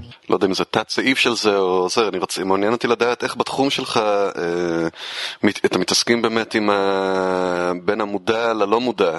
תקח את הדוגמה הזאת למשל של המשיכה המינית או בחירת פרטנר, יש לך מצד אחד את הדיווח של אנשים, ובצד שני את התגובות, נקרא להם פיזיולוגיות, אבל גם אותם דברים שנובעים מהמוח, הפרפרנסים המוטבעים שמכתיבים את הרציאליזציה שבאה אחרי זה.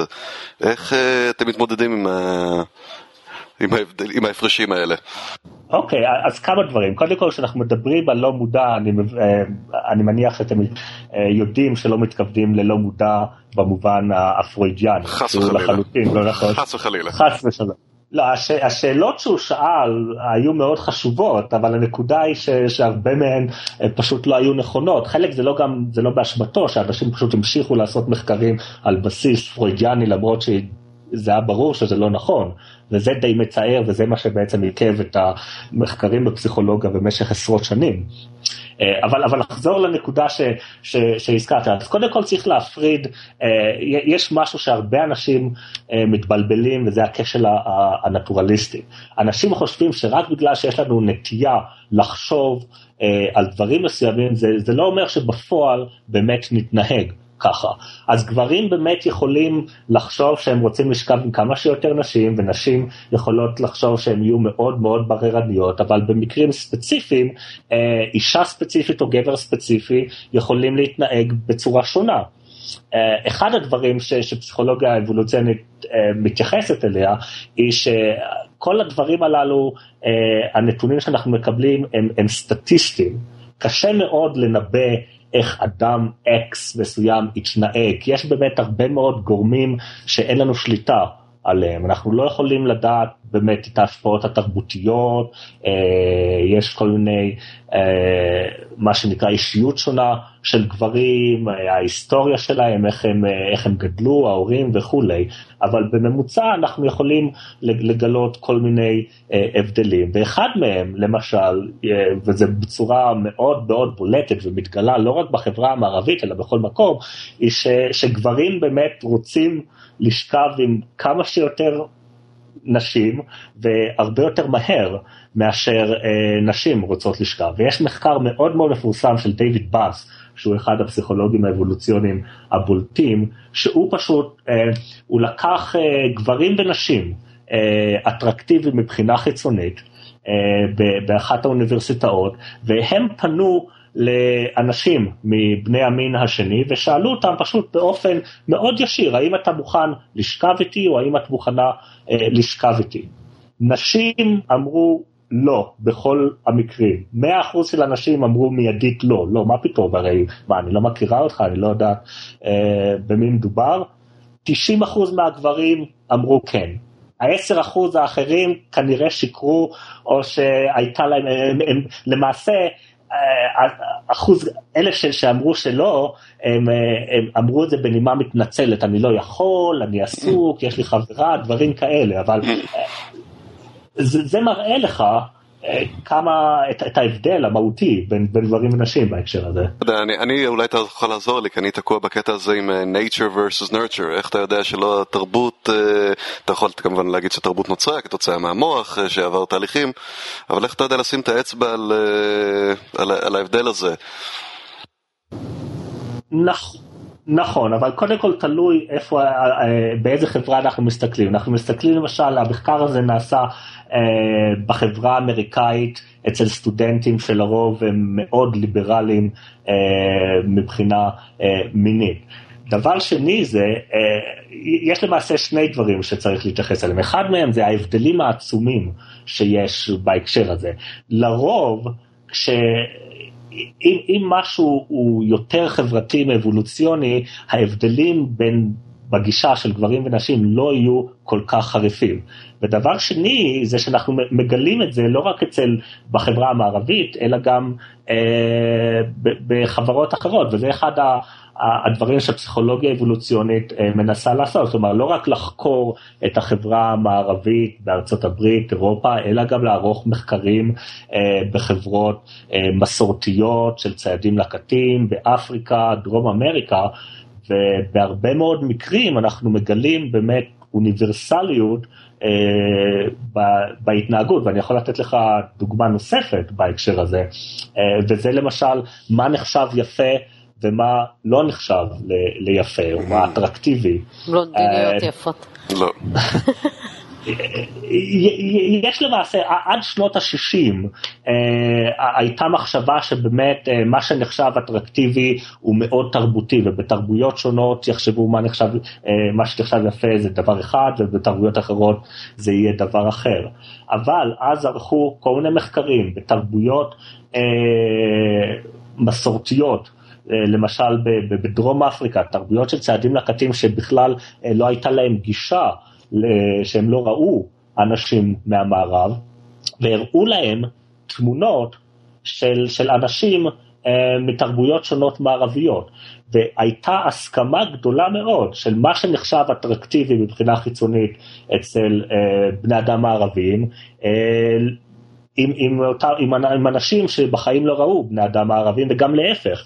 אם אני אראה לך תמונות של חברות למשל באפריקה, אה, שהם נראים מאוד מאוד שונה מאיך שאנשים במערב נראים, עדיין אתה, תהיה הסכמה מאוד גדולה של אילו אה, אנשים נחשבים ליפים מאוד או יפות ואלו נחשבים לפחות יפים.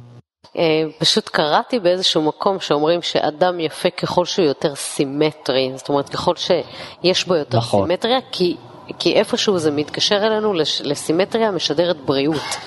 ואם, נכון. ולכן אנחנו מקשרים אנשים, יופי וסימטריה mm. ובריאות הולך ביחד, מפה זה בא. נכון, בהחלט. אה, סימטריות זה, זה אחת התכונות אולי הכי מבכות שקשורות ליופי חיצוני, ולמה זה בעצם? אנשים, ש, אנשים סימטריים, ולרוב אנחנו מדברים על סימטריה בפנים ופחות סימטריה בגוף, למרות שגם אה, זה קיים, אה, זה פשוט אומר שאותו אדם לא סבל מאיזה שהם בעיות בהתפתחות.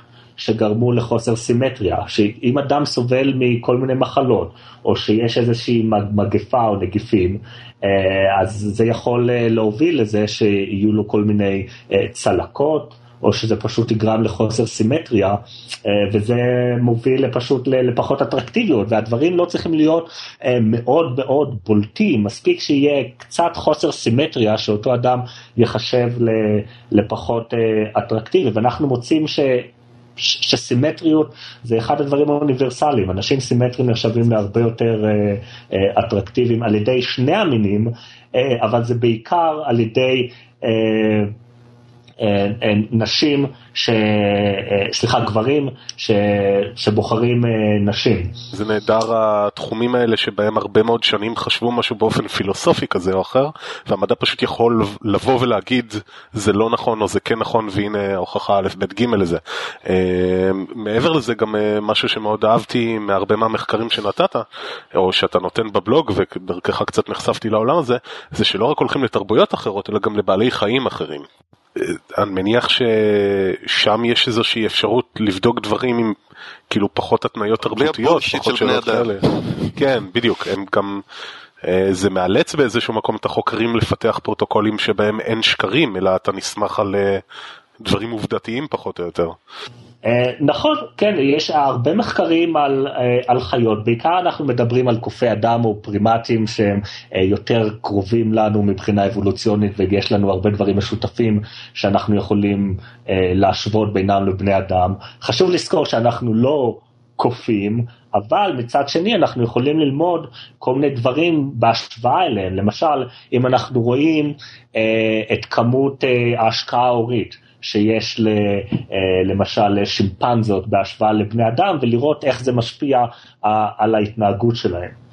מהמחקרים שלי אישית, אני יכול להגיד לך, למשל בהקשר של הומור וצחוק, יש די הרבה מחקרים שמראים ש, שצחוק הוא, הוא, לא, הוא לא משהו שקיים רק אצל בני אדם, זה משהו שקיים אצל קופים, אצל, אצל בבונים, ולמעשה אפילו מצאו כל מיני, ש, שאפילו עכברים צוחקים, או משהו שיש להם התנהגות ש, שדומה לצחוק אה, אנושי. כן, זהו, אחד מהדברים המעניינים שקראתי מהמחקרים שנתת על התחום שלך, זה שאצלנו ייחדנו שתי אה, תבניות התנהגות שונות לחלוטין, שחיוך הוא לא מקושר לחלוטין לצחוק ביונקים אחרים, ואצלנו יש איזו התכה של זה. אתה יכול טיפה להרחיב על זה? כן, אה, הנושא באמת של צחוק הוא, הוא הרבה יותר, יש יותר הפרדה.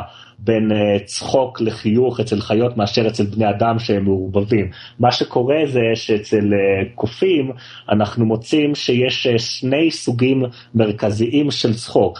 אחד מהם לרוב מתרחש כש, כשקופים משחקים אחד עם השני, ו, וצחוק פשוט מראה ש... זה איזשהו משחק חברתי, משהו ש, שלא מוביל, ש, ש, שעושים כדי, uh, כדי פשוט ליהנות ממנו, בין שני uh, פרטים שונים. שאין יריבות לי... ואיום אמיתי. נכון, אין יריבות ואין שום איום.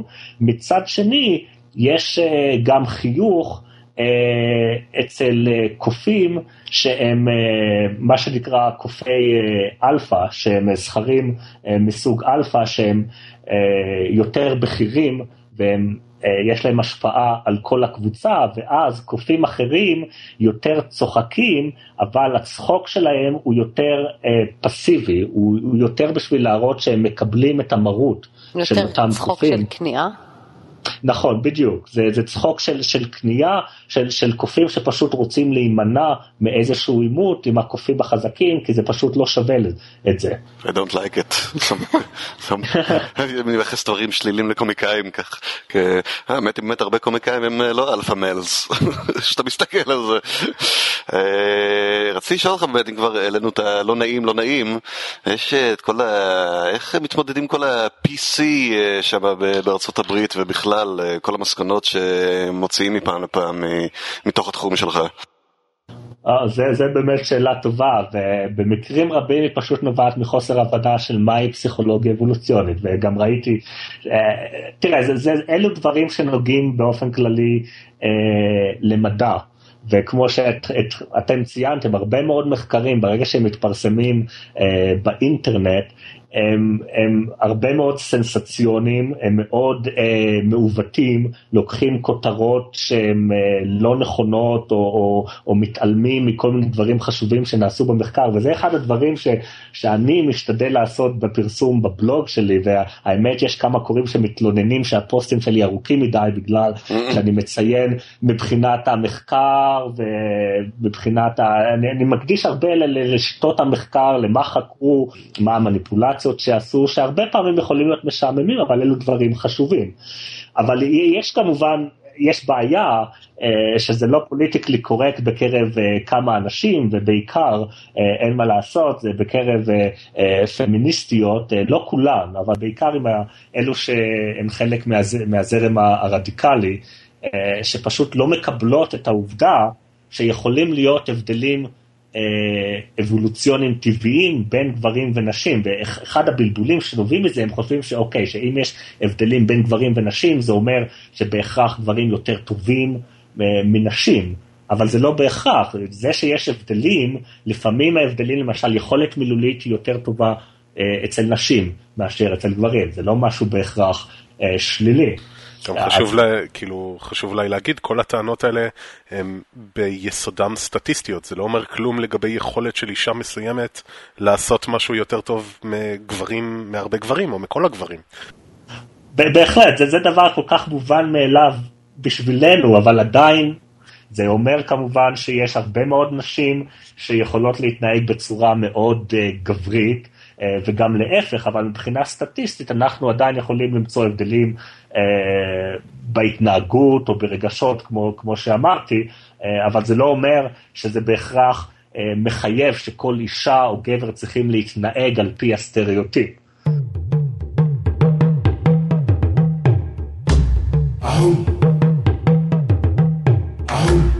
ועכשיו כבכל שבוע הגיע הזמן לפינת איפה טעינו.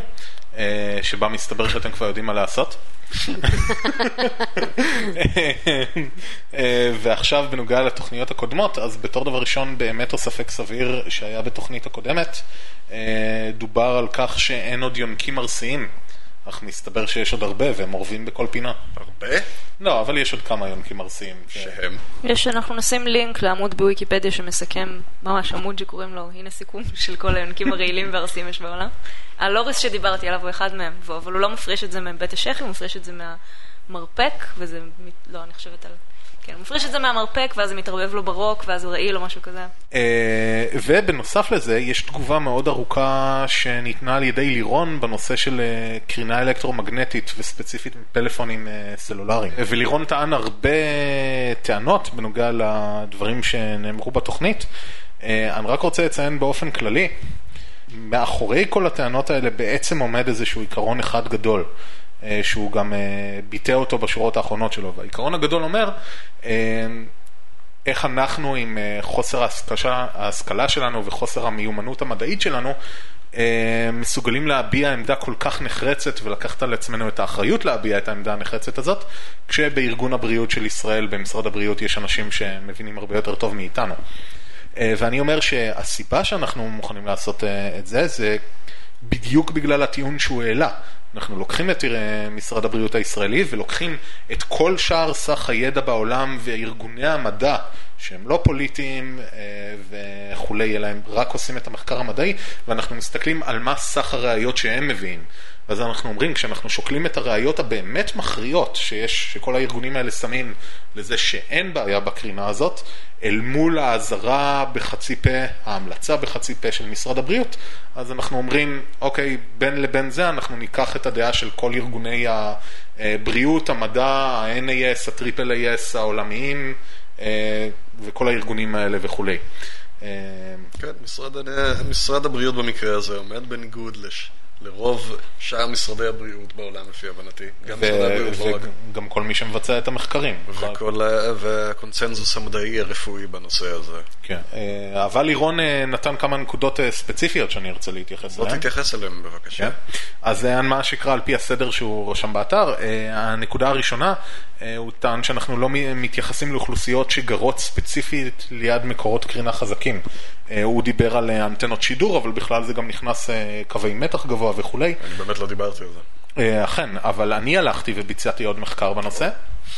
אה, וגם פה, למרות שבתחילת שנות ה-80 היו כמה מחקרים שבוצעו בצורה רעועה ובלי פרוטוקולים טובים, שהראו אפס אפקט על מבוגרים ואפק, ומתאם סטטיסטי חלש בין ילדים שגרים באזורים האלה אה, לבין המחקר הסרטן. האחד הזה שהתחיל את כל הטרנד, אני, מחקר האחד שקראתי עליו, כן, הוא היה בשנות היה, ה-80. היה מחקר אחד אז, נכון, משם זה התחיל. נכון, בשנות ה-80. מחקר אחד שהיה גרוע.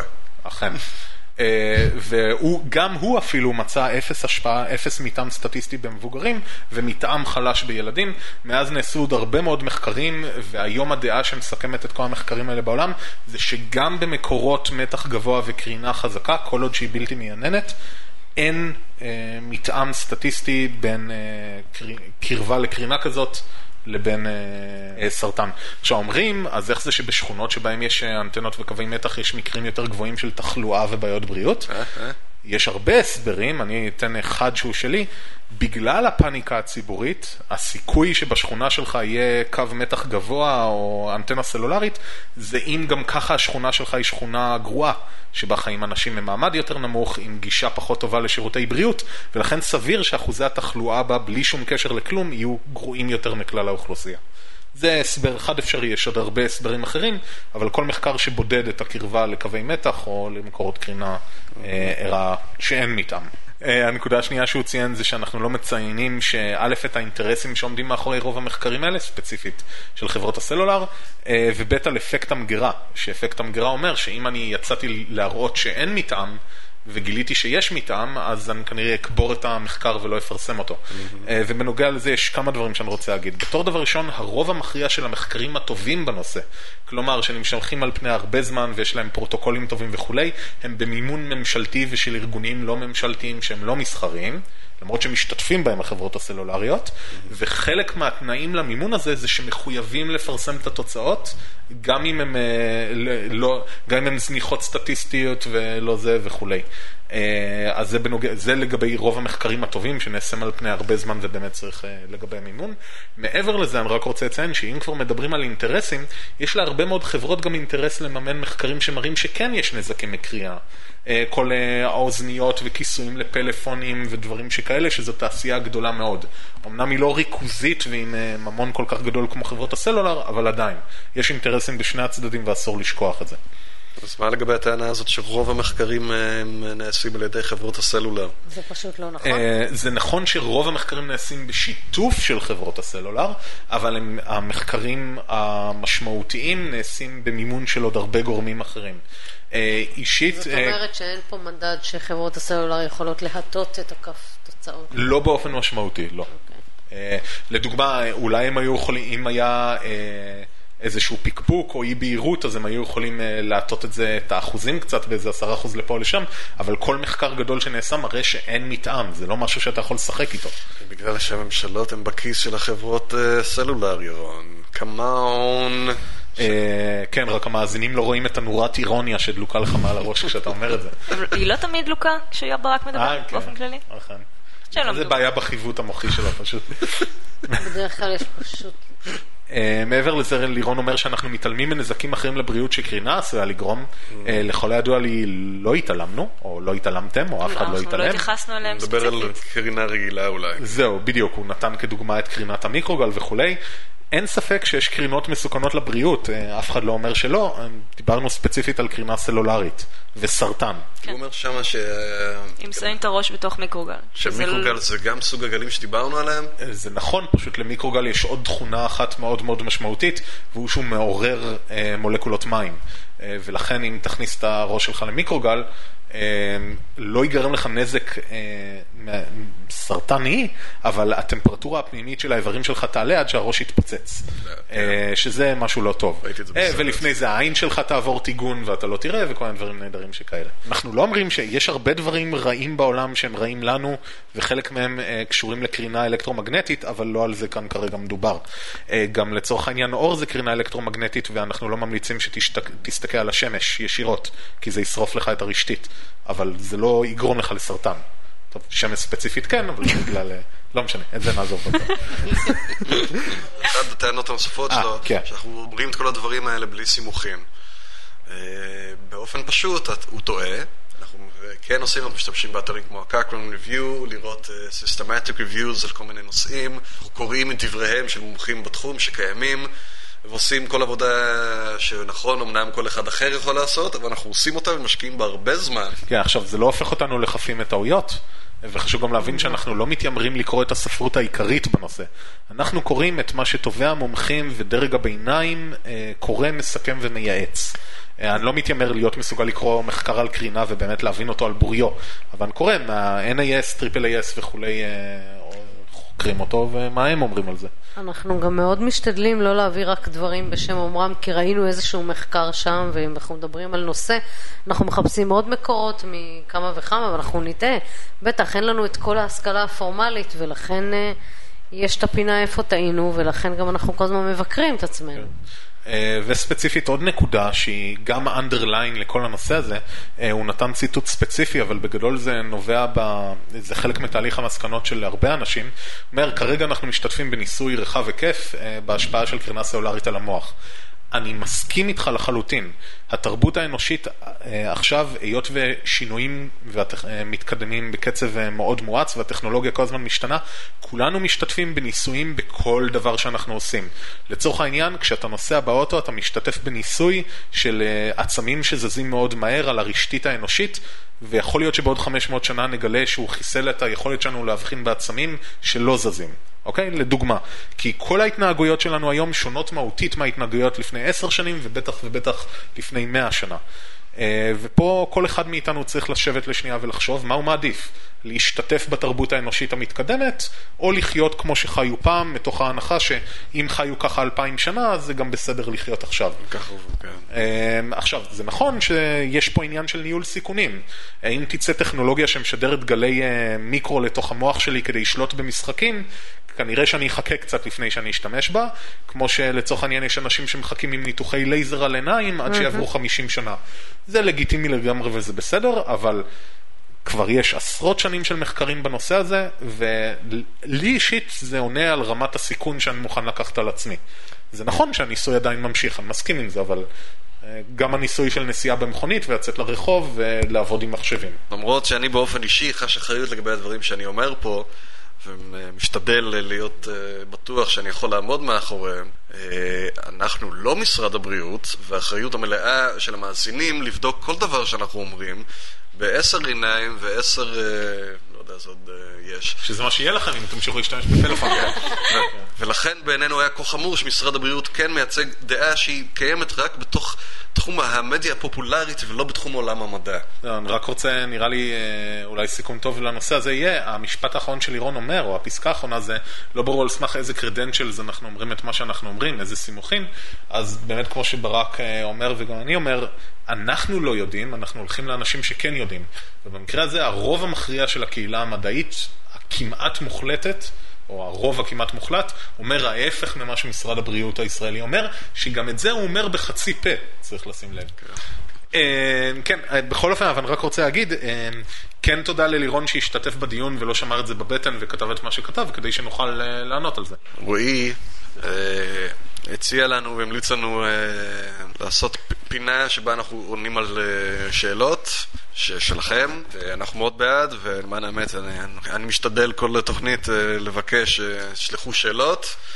אבל הוא אומר שכנראה זה לא מספיק, צריך לפתוח ממש פינה לצורך העניין, וזה ידרבן את האנשים יותר, אז אנחנו ננסה לכמה, בכמה תוכניות הקרובות, ננסה לקיים את הפינה הזאת. אני בעד הפינה הצפון-מערבית, שהיא תהיה הפינה. כן, נקרא לזה אה, פינת איפה נטעה, במקום הפינה. איפה נטעה, כן. מעולה.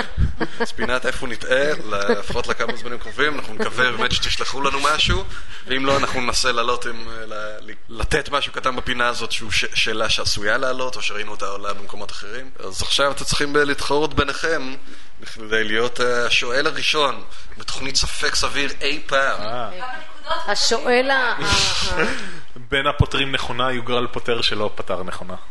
נשמח לידע אתכם שגם החודש יש, יהיה ספקנים בפאב ב-24 לאוגוסט, החל מהשעה שמונה בפאב גורדו, ומה בתוכנית וכולי, נגיד בתוכנית הבאה.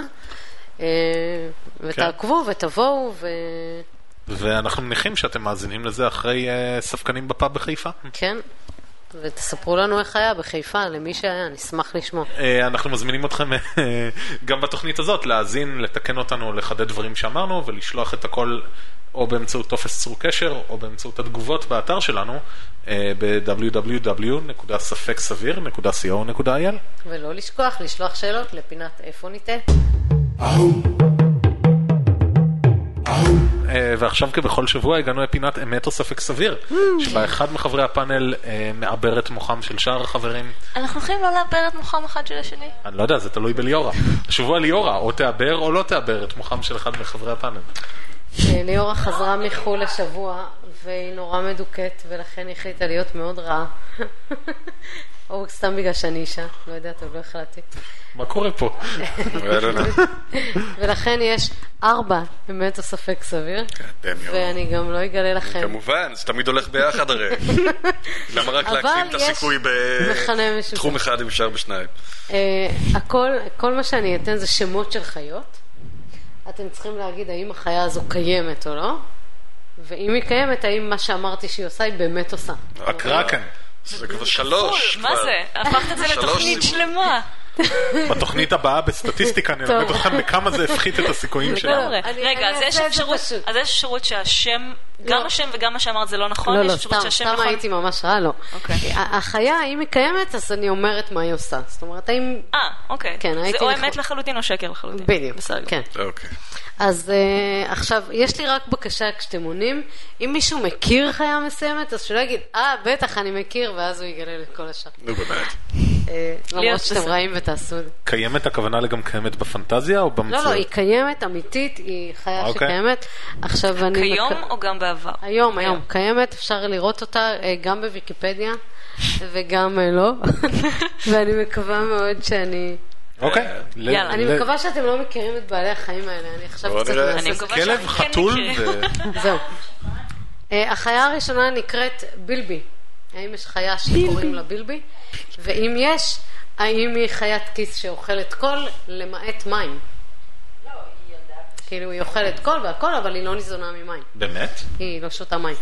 זה מה שאתה צריך להגיד, ירון. זה, זו החיה הראשונה. אוקיי.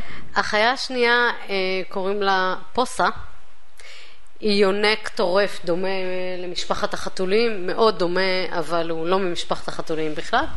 אוקיי. המיוחד בחיה הזאת זה שנקבת הפוסה היא הנקבה היחידה במחלקת, במחלקת היונקים שמסוגלת להחליף את מינה באופן זמני ולהיות זכר.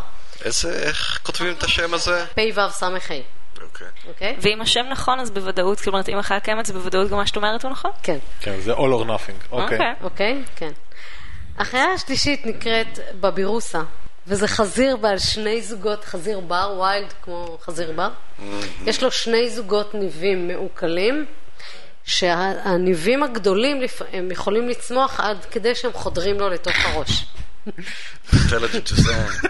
It's mighty fine intelligent design, כן. החיה האחרונה נקראת קלינופה.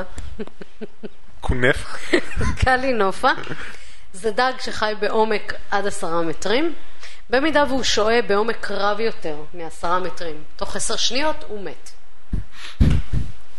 אלה ארבעת החיות, ואתם... אה, אה, מצוין. ירון, ירון, אתה הרבה אוקיי. זמן... אה, כן, בילבי, טוב. פוסה, בבירוסה וקלינופה. אוקיי, אז בנוגע לפוסה נראה לי שזאת אמת. אה, לא ג'ף גולדבלום, פארק היורה, נראה לי. אז פוסה נראה לי שזאת אמת. אה, בנוגע לחזיר שחודר לעצמו לגולגולת, אה, אין לי שום בעיה עם זה. ובנוגע לדג, אז בעצם השאלה שלי זה הדג לעומת הבילבי. מה היה הקטע של הבילבי שוב? טוב. זו חיית כיס שאוכלת חיית כיס הכל מלבד מים. חוץ ממים. גם זה נראה לי אמת, נראה לי שהדג הוא שקר. או שכולם אמת, או שהדג הוא שקר. הייתי הולך על זה שהדג הוא שקר. הדג שמת מתחת לעשרה מטרים הוא שקר. אוקיי. וכל השאר אמת לדעתי. אביב. אמ, לגבי פוסה, אז כן, אני חושבת שזה קיים. אמ, להגיד למה? אני לא אגיד למה. קיצור, פוסה קיים, בילבי נשמע לי גם בסדר. אני דווקא חושבת שהקנינופה קיים והבבירוסה לא קיים. כי זה, אני חושבת שאת לקחת את התבנית של קנינופה והלבשת עליה בבירוסה. כן, say that with a straight face. כן, זה הרגע מה שאת עשית ממש בעצם. ממש, כן. אוקיי, טוב. טוב, אני אומר מה שאביב אמרה, כי זה נראה שהסכמתי מה שהיא אמרה, ו... אבל רק כדי להיות פייר, אני אשנה את הזה, אני אגיד שהבילבי גם לא קיים. אוקיי, אז אה, את- ברק אומר שבילבי ובבירוסה לא קיימים. כן. אביב אומרת שרק בבירוסה לא קיים, וירון אומר שקלינופה לא קיים. כן. אז עכשיו אני אעבור אחד-אחד ואני אגיד מי צודק. יאללה כיף. ואתם תבינו מי צודק. או אם מישהו בכלל צדק. שני צדקה. כן. בכך שיצאה מהחדר ברגע שהתחלנו את המשחק. אז, סיכוי שמישהו אה, צדק במשהו. בילבי, אכן יש חיה כזאת, son of a bitch. ומן הסתם היא באוסטרליה. אני אשים לינק בוויקיפדיה, היא חיה מגניבה, יש לה אוזניים מאוד ארוכות, ויש לה אף מאוד ארוך, והיא מכרסמת, והיא ניזונה מהמים שיש באוכל, היא בכלל אה, לא שותה מים. אה, זו חיה שכנראה היו איזה שני מינים, מין אחד שהתפצל לשניים, לא בדיוק אה, יודעים עדיין, אבל קיימת, והיא כמובן בסוג של סכנה הכחדה. איפה בא השם כמו כולם. המטופש הזה? כי היא לא שותה מים, ברור שהיא בסכנת חדה. כן. אה, עכשיו, אה, לגבי פוסה, פוסה אכן קיימת. זה בעל חיים מדהים, הוא נמצא רק, רוצה? הוא בעל חיים אנדמי. מדגסקר? איך? מדגסקר? נכון, נכון. אה, אנדמי זה אומר. שהוא רק שם, כן. אוקיי, אז אה, תהית, זהו, התלבטתי מאוד, אבל אמרתי, טוב, אה, פוסה, סליחה, לא פה, אלא פה, אה, פוסה. פוסה? פוסה. נכון, טעות שלי, לא פוסה. כן, ובקיצור זה, לא סגורים על זה בכלל שהוא, כנראה יודעים שהוא לא ממשפחת החתוליים. יש לו כנראה משהו ממשפחת העכבריים בכלל. ובקיצור, אה, זה בעל חיים שנראה אה, חתולי למדי, למרות שהוא לא ממש. אה, שוב, בלינק שאני אשים יש את כל משקל, גובה, זנב וכולי. מה השלישי? השלישי דיברנו על... ברברוסה. אה, רגע, אבל הקטע המעניין לגביו זה השינוי כן, מין. לגבי כאילו. ה... סליחה. זה שהוא לא חתול זה. בסדר. אבל- נכון. אז באמת, נקבת הפוסט הנקבה היחידה במחלקת היונקים שמסוגלת להחליף את מינה באופן זמני, יש לה איזושהי בליטה באחורי הגוף, שהיא פשוט הופכת לעבר מין זכרי במידת הצורך, ו... זה מוזר. הייתי אבל- משלם עשרה שקלים לראות את מה זה. עם מידת הצורך כן. בדיוק? מידת הצורך זה כנראה כשיש יותר נקבות מזכרים. אז אה, היא would מחליפה את. מינה, אבל זה, זה לתקופות קצרות, היא לא מחליפה את מינה ונשארת אה, זכר, אלא ממש לתקופות כן, קצרות. היא רק עד. הבוקר שאחרי. משהו כזה, כן. זה מגניב, תחשבי שהייתי יכולה להיות גבר ללילה אחד ולחזור להיות אישה. כן, אני חושבת שזה כזמן שהיית. מבלה במקלחת נראה לי, אה, כאילו. בבירוסה בבקשה. בבירוסה, חזיר בעל שני זוגות ניבים מעוקלים שהעליונים הגדולים לעיתים חודרים לראשו. התשובה היא, נכון, קיים, והוא קיים, אה, רגע, אני רגע, אתה צדקת מודה להחליף, שאני לא? לא כל כך... לאו דווקא, נראה עוד מה לגבי האחרון, אבל הוא קיים. אבל היא אמרה שהוא לא קיים. כן, אז כאילו אביב ממש, בוודאות לא אביב צדקה, בוודאות נראה לא לגבי צדקה, האחרון. את יכולה... ברק? ל- איך את יכולה להסתכל על עצמך? חזיר בר שהניבים שלו חודרים לתוך כן? כן, ממש ככה. הוא אפילו מופיע ממש ב- בוויקיפדיה, בעברית ערך מאוד מאוד, אה, מאוד מושקע. אה, אני אנחש, גם הוא בסכנת הכחדה. הוא באיי מעצמו? אינדונזיה. אה, האוכלוסייה היום מוערכת כב-4,000 פריטים, אה, מצב פגיע, זה עדיין לא הכחדה, אבל אה, זה מה שנקרא פגיע. אה, קלינופה, קלינופה זו... הקלינופה? קלינופה. תגידי לי. אה, קלינופה? אני שמעתי קנינופה. אה, קנינופה. קלינופה, קרחיחופה, כל אה, סוג כזה זה המצאה לחלוטין מראשי הקודח. יס. צדק. דפקת אותי לגמרי, את יודעת את זה? אין, אה, פשוט אם חשבתי על שם שיישמע קצת מוזר, וזה השם שהצלחתי להמציא. אין, אה, אולי יש, זה, זה הספק הסביר, אולי יש דג כזה שחי... אה, ברגע שהוא יורד מתחת הגיוני, למטר, לי זה. הגיוני שאם הוא ירד, כן, זה הגיוני כי הוא עובר ל... הוא מכפיל פי שתיים מתחת לעשרה מטר, הוא מתחיל להכפיל. אה, בקיצור, אה, מי שקצת מבין בלחצים, אז אה, יש מצב שהוא פשוט עובר למצב לחץ הבא בתור. האמת שכן, היינו צריכים לדעת שזה הש- ה- השקר בגלל שהוא נשמע כל כך אמיתי. נכון. לעומת כל האחרים נכון. שיש להם את הפרטי מידע לא קשורים לא, לאף זהו. הניבים לדעתי, אה, אדמס דיבר על זה כשהוא התייחס למישהו שנולד עם המון ניבים בפה שחותכים לו את השיניים, אז הוא התייחס לחזיר בר שקיים. אה, ובנוגע לשינוי מין, אז ג'ף גולדבלום בפארק היורה לדעתי דיבר עליו. על ספציפית על הפוסה? אה, הוא הזכיר את הצפרדעים ומישהו שם אמר גם שיש ביונקים, או שאני לא אז זוכר. אז אני מודה שאני אני אתן לינק, ירון תשים, יש המון בעלי חיים מאוד מוזרים, אבל. היה להם כל כך מעט מידע ולא ידעתי איפה כל כך לאמת אותו, ורק כאלה שמצאתי להם ממש הרבה מידע בוויקיפדיה וכאלה, אז העזתי אה, אה, לתת אותם, אבל יש המון בעלי חיים. בעלי חיים דפוקים שמות לגמרי. מוזרים שעושים דברים מוזרים, וזה נורא נחמד. כל כל הכבוד. ירון. טוב, אוקיי, תודה, מגניב, חיות מגניבות, אין כן, פה ספק סביר מגניב. זהו, תודה שעשיתם אחלה פודקאסט שלא היינו. כן. באמת. אה, ותודה למאזינים. שהאזינו לנו. אה, ותודה לכם שהצטרפתם. והשתתפתם בערב חם זה. ותודה לשני וברק שהדליקו מיזוג. נכון, תודה למזגן. ירון. מי המציא את המזגן? תודה על המזגן. כן. כן, ותודה. אה, ותודה לגיל. גרינגרוז. שעל הרעיון המצוין. כן, גיל. היה למרות אחלה. שהקלטנו אותו לפני אה, שלושה חודשים בערך. אחרי שהוא עדיין מערכת. כן. וזה. אז אה, שלום ולהתראות לכולם. להתראות. אה, אה, נתראה בספקנים בפג בתל אביב. בפג. בפג.